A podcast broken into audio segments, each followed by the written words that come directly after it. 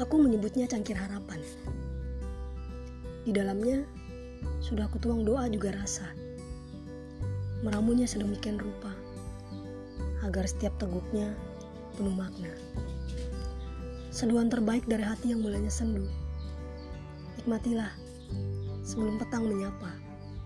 Membawamu pada gigil yang mengusik. Bukan lagi cangkir yang kau butuhkan, tapi selimut untuk menutupi rindu dari pandangan. Semoga pagi membawa pesan dari dia yang kau nantikan.